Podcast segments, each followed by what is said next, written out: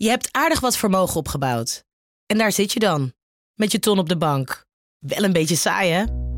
Wil jij, als belegger, onderdeel zijn van het verleden of van de toekomst? Bridgefund is een slimme fintech die een brug slaat tussen de financiële behoeften van ondernemers en van beleggers. Dus wie belegt bij Bridgefund krijgt niet alleen een mooie vaste rente, maar brengt ook ondernemers in beweging. Echt waar, met die ton kan je zoveel betere dingen doen. Bridgefund. Make money smile.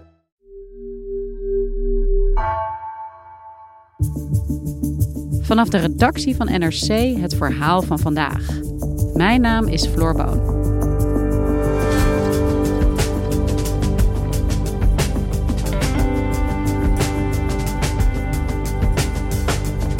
Israël verkeert in chaos. Artsen staken, universiteiten zijn dicht en het vliegverkeer ligt stil. De reden? Grote weerstand tegen de hervormingsplannen van premier Netanyahu. Redacteur Midden-Oosten Floris van Straten ziet een diep verdeeld land waarin de demonstraties nu massaler zijn dan ooit. Wat betekent dit voor de toekomst van Israël?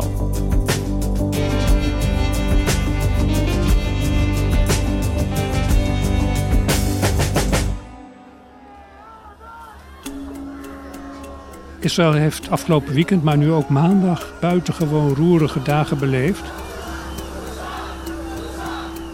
Nog nooit eerder heeft Israël zo'n enorme golf van protesten meegemaakt als nu.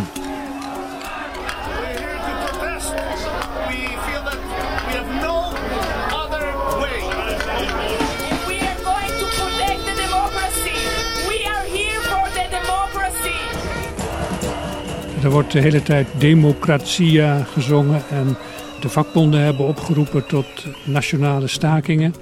Dus meteen legde bijvoorbeeld uh, het personeel op de luchthaven Ben Gurion bij Tel Aviv het werk neer, waardoor er geen vluchten meer mogelijk waren. Artsen kondigden aan dat ze niet langer behandelingen zullen doen.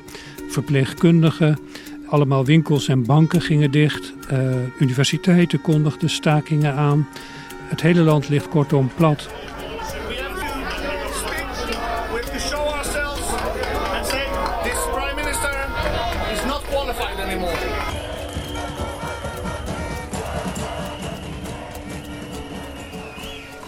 En wie zijn al die tienduizenden, honderdduizenden mensen die de straat op gaan?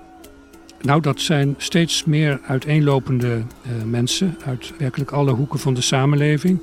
Het begon met democratische activisten, maar al vrij snel sloeg het ook over naar grote delen van de meer liberale, seculiere bevolking. Ik heb zelf ook bij uh, die demonstraties gezien hoe veel gezinnen met ouders en kinderen en zelfs met huisdieren erbij gingen meelopen in die demonstraties. Maar er zijn natuurlijk ook veel meer religieuze mensen, orthodoxe joden, die je daar echt niet zult zien meelopen in uh, die demonstraties. Israël is eigenlijk al langere tijd steeds meer verdeeld geraakt tussen een wat liberaal, seculier kamp en een meer religieus, traditioneel uh, deel van de Joodse bevolking. Die, uh, en die laatste groep heeft wel steeds meer de overhand gekregen, ook in regeringen. Uh, en wat we nu meemaken is deels een uitvloeisel daarvan.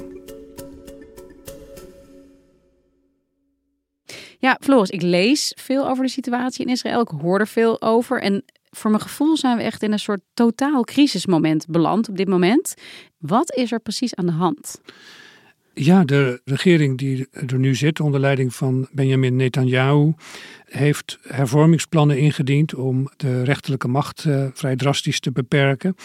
En daar is een enorme reactie op gevolgd van mensen die daar totaal geen heil in zien. Die geloven dat de Israëlische democratie daardoor alleen maar enorm te lijden zal hebben en af zal bladderen.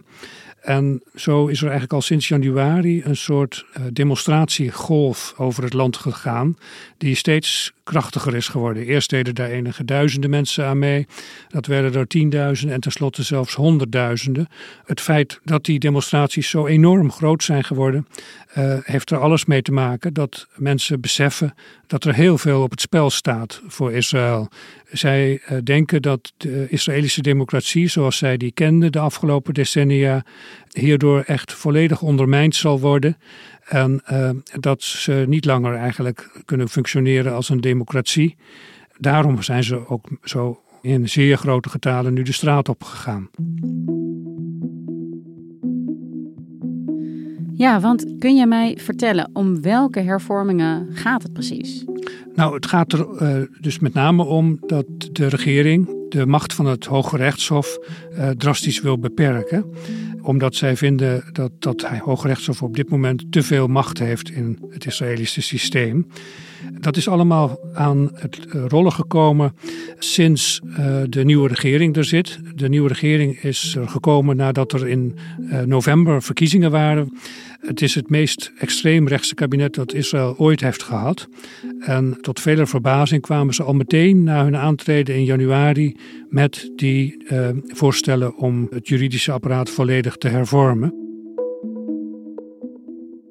En wat houden de hervormingsplannen precies in? Nou, onder de huidige omstandigheden heeft het Hoge Rechtshof nog uh, heel veel invloed en macht. Uh, zij kunnen bijvoorbeeld wetgeving die door het parlement is aangenomen toetsen aan de basiswetten die er ook al zijn in Israël. En als zij tot de conclusie komen dat dat uh, niet met elkaar in overeenstemming is, dan kunnen ze wetgeving afwijzen. En dan hebben zij dus het laatste woord en niet het parlement. En dat wil de huidige coalitie juist gaan veranderen. Het Hoge Rechtshof wordt nu uh, samengesteld door een commissie waarin zowel politici als juristen zitten. Maar de politici hebben daar in ieder geval niet de meerderheid. En die huidige coalitie vindt dat dat Hoge Rechtshof te vaak nogal liberale waarden hoog houdt. Bijvoorbeeld voor wat betreft de LHBTI-gemeenschap. Rechts vindt dat dat eigenlijk eh, veel te veel nadruk krijgt en dat er op die manier rechten worden toegekend aan groepen die volgens hen uh, de meeste Israëliërs helemaal niet uh, zouden willen toekennen. Ze willen dus hervormen dat uh, niet langer het Hoge Rechtshof het laatste woord heeft over die wetgeving, maar het parlement. En dat parlement wordt op dit moment dus gecontroleerd door een rechtsmeerderheid, zelfs met extreem rechts erbij, die graag uh, de rechten van de LHBTI-gemeenschap, om maar een voorbeeld te noemen, zouden willen beperken. En hoe zien die plannen er precies uit? Hoe zou het Israëlische rechtssysteem eruit komen te zien als deze hervormingen erdoor komen? Dan zouden om te beginnen politici een veel grotere stem in het kapittel krijgen bij de benoeming van rechters, ook van rechters in het Hoge Rechtshof. En nou ja, de vrees is dus bij de tegenstanders dat er dan vooral vriendjes van uh, de huidige regering zullen worden benoemd, die ook uh, minder liberale waarden zullen respecteren dan uh, het huidige Hoge Rechtshof. Ja, dus eigenlijk komt de onafhankelijkheid van de rechtspraak ook in het geding. Dat is precies waar het ook om gaat. Ja. Zij vrezen ook dat allerlei minderheden ja, buitenspel zullen worden geplaatst en niet meer aan bod zullen komen. Gingen mensen al meteen bij het aankondigen van die hervormingen de straat op? Ja, zeker. Uh, er zijn meteen toen wel veel protesten gerezen. Ook omdat de regering dit een beetje uit de hoed toverde. Tijdens de verkiezingscampagne is daar helemaal niet zozeer de nadruk op gelegd. En uh, dat stak heel veel mensen, zelfs uh, mensen die op de coalitie hadden gestemd, waren daardoor geschokt. Dat nu het hele politieke systeem in Israël zo op de schop werd genomen. Ik was zelf een paar weken geleden ook tien dagen in Israël. Een machtige hoeveelheid van tienduizenden Israëli's met zwaaiende vlag in de buurt van het Hashalom station. En dat was echt onthullend, moet ik zeggen, om daarbij te zijn. Omdat het viel vooral ook op hoeveel mensen daar meeliepen die anders nooit zouden hebben gedemonstreerd. Ik kwam bijvoorbeeld uh, bij een demonstratie in Jeruzalem ook een 81-jarige man tegen, een econoom, Maurice genaamd, die uh, zijn hele leven al in Israël had doorgebracht en altijd netjes zijn dienstplicht had vervuld. Hij was zelf ook, had hij gevochten in drie oorlogen, zei hij. Maar nu was voor hem echt de maat vol. En vanaf de eerste demonstratie had hij meegedaan, terwijl hij voordien nooit had deelgenomen aan wat voor demonstratie dan ook. En nu dus wel. En dat gold voor velen. Uh, die plotseling zeiden van ja, dit, dit kan niet. Hier worden grenzen overschreden uh, waar we ons echt tegen moeten wapenen en waar we de straat op voor moeten gaan. En die dan ook elke keer weer wekenlang achter elkaar uh, meeliepen in die demonstraties. Wat op de achtergrond ook meespeelt, is dat Netanyahu nog altijd drie zaken tegen zich heeft lopen waarin hij wordt verdacht van corruptie. Er zijn veel mensen, ook binnen het kabinet, die zeggen dat hij eigenlijk alleen maar deze juridische hervormingen steunt omdat hij op die manier hoopt dat er rechters zullen komen die korte metten zullen maken met die corruptiezaken die nog uh, tegen hem lopen. Er is ook één advocaat geweest inmiddels bij een van die corruptiezaken, die al heeft laten weten dat hij Netanyahu niet langer wenst te verdedigen als hij nog blijft vasthouden aan deze juridische hervormingen. Ja, dus wekenlang, maandenlang zijn er demonstraties. Dit weekend komt dat tot een hoogtepunt. Afgelopen weekend. Waarom is het nu anders? Wat is er gebeurd? Nou, één ding is echt van belang in dit verband. En dat is dat de minister van Defensie, meneer Galland, die uh, heeft voor het eerst openlijk stelling genomen tegen de uh, juridische hervormingsplannen van de regering. Afgelopen zaterdagavond in een interview.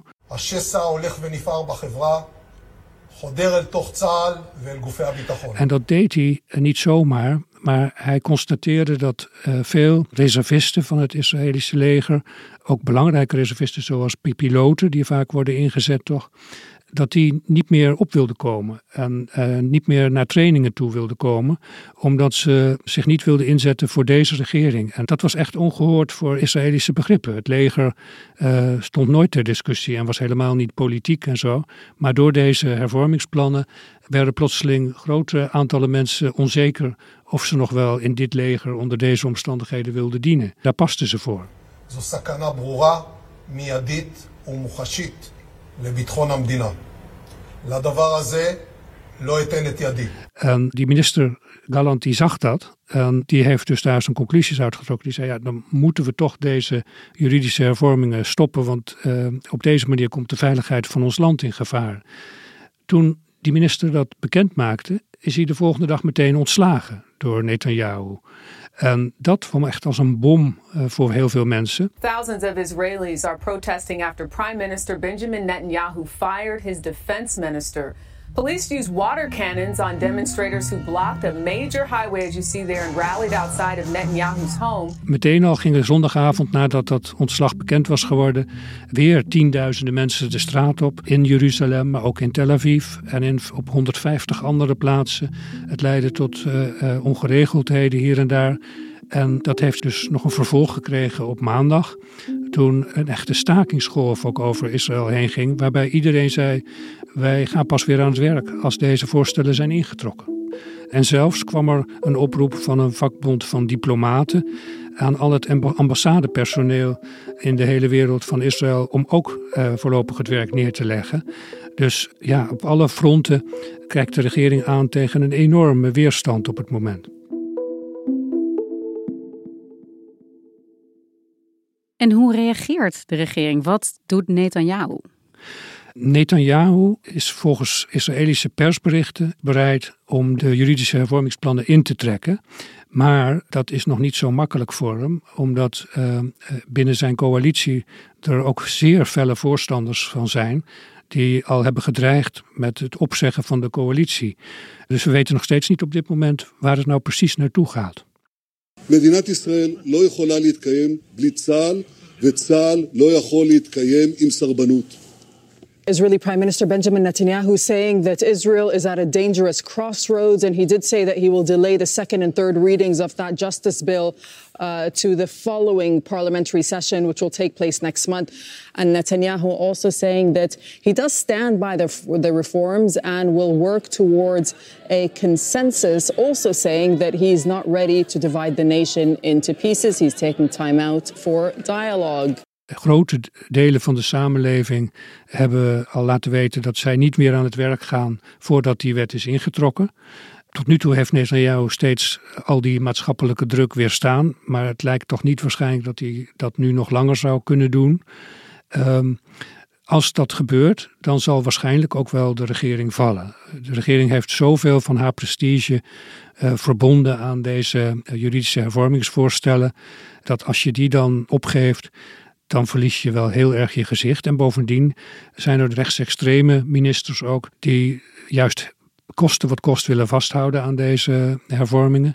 En als die worden afgeblazen, dan stappen zij uit de regering. En uh, dan heb je een, een kabinetscrisis en waarschijnlijk weer nieuwe verkiezingen. En wat nou als hij toch de hervormingen doorzet en dus gehoor geeft ook aan die andere krachten binnen zijn regering? Dat is theoretisch nog steeds mogelijk.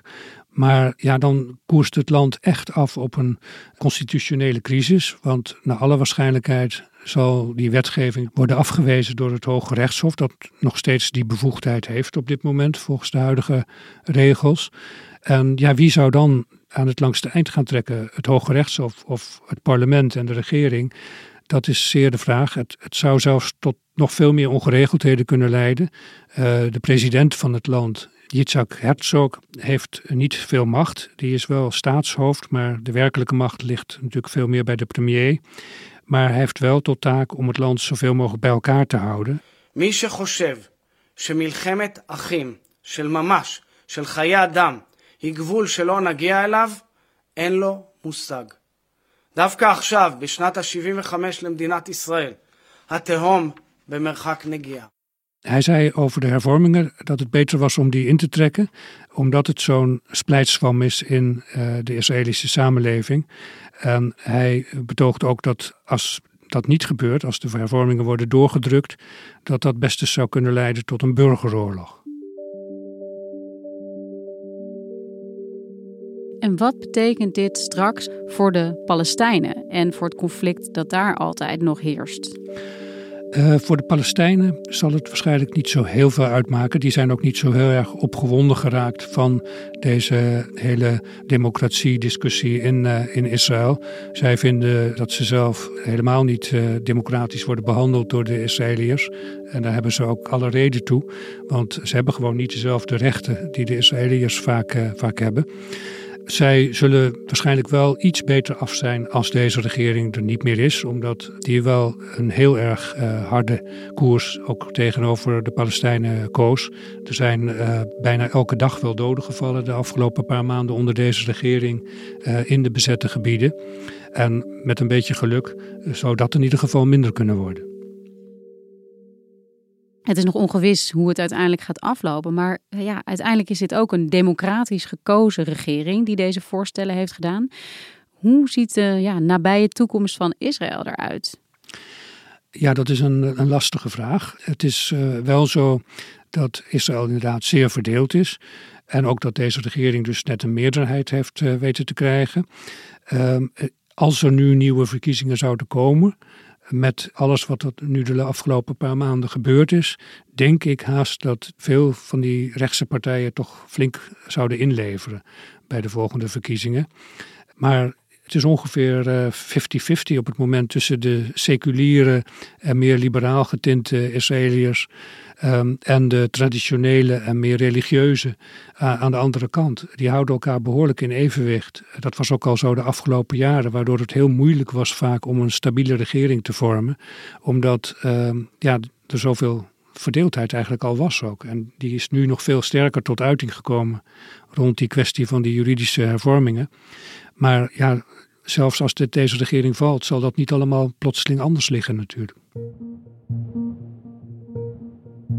En op de korte termijn is het dus maar even afwachten wat er gebeurt uh, voor Israël en welke kant het land opgaat. Ja, we weten niet precies hoe het zal aflopen. Uh, het is nu maandagmiddag en de ontwikkelingen zijn nog volop in beweging.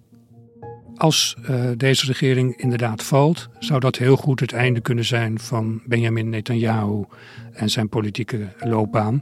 Uh, hij heeft al uh, 25 jaar een dominerende rol gespeeld in Israël.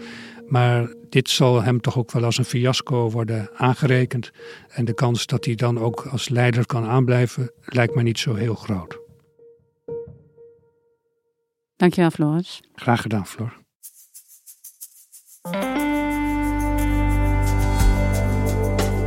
Je luisterde naar vandaag, een podcast van NRC. Eén verhaal, elke dag. Deze aflevering werd gemaakt door Nina van Hattem, Claire Verplanken, Esme Dirks en Jan-Paul de Bond. Coördinatie, Henk Ruigrok van de Werven. Dit was vandaag. Morgen weer.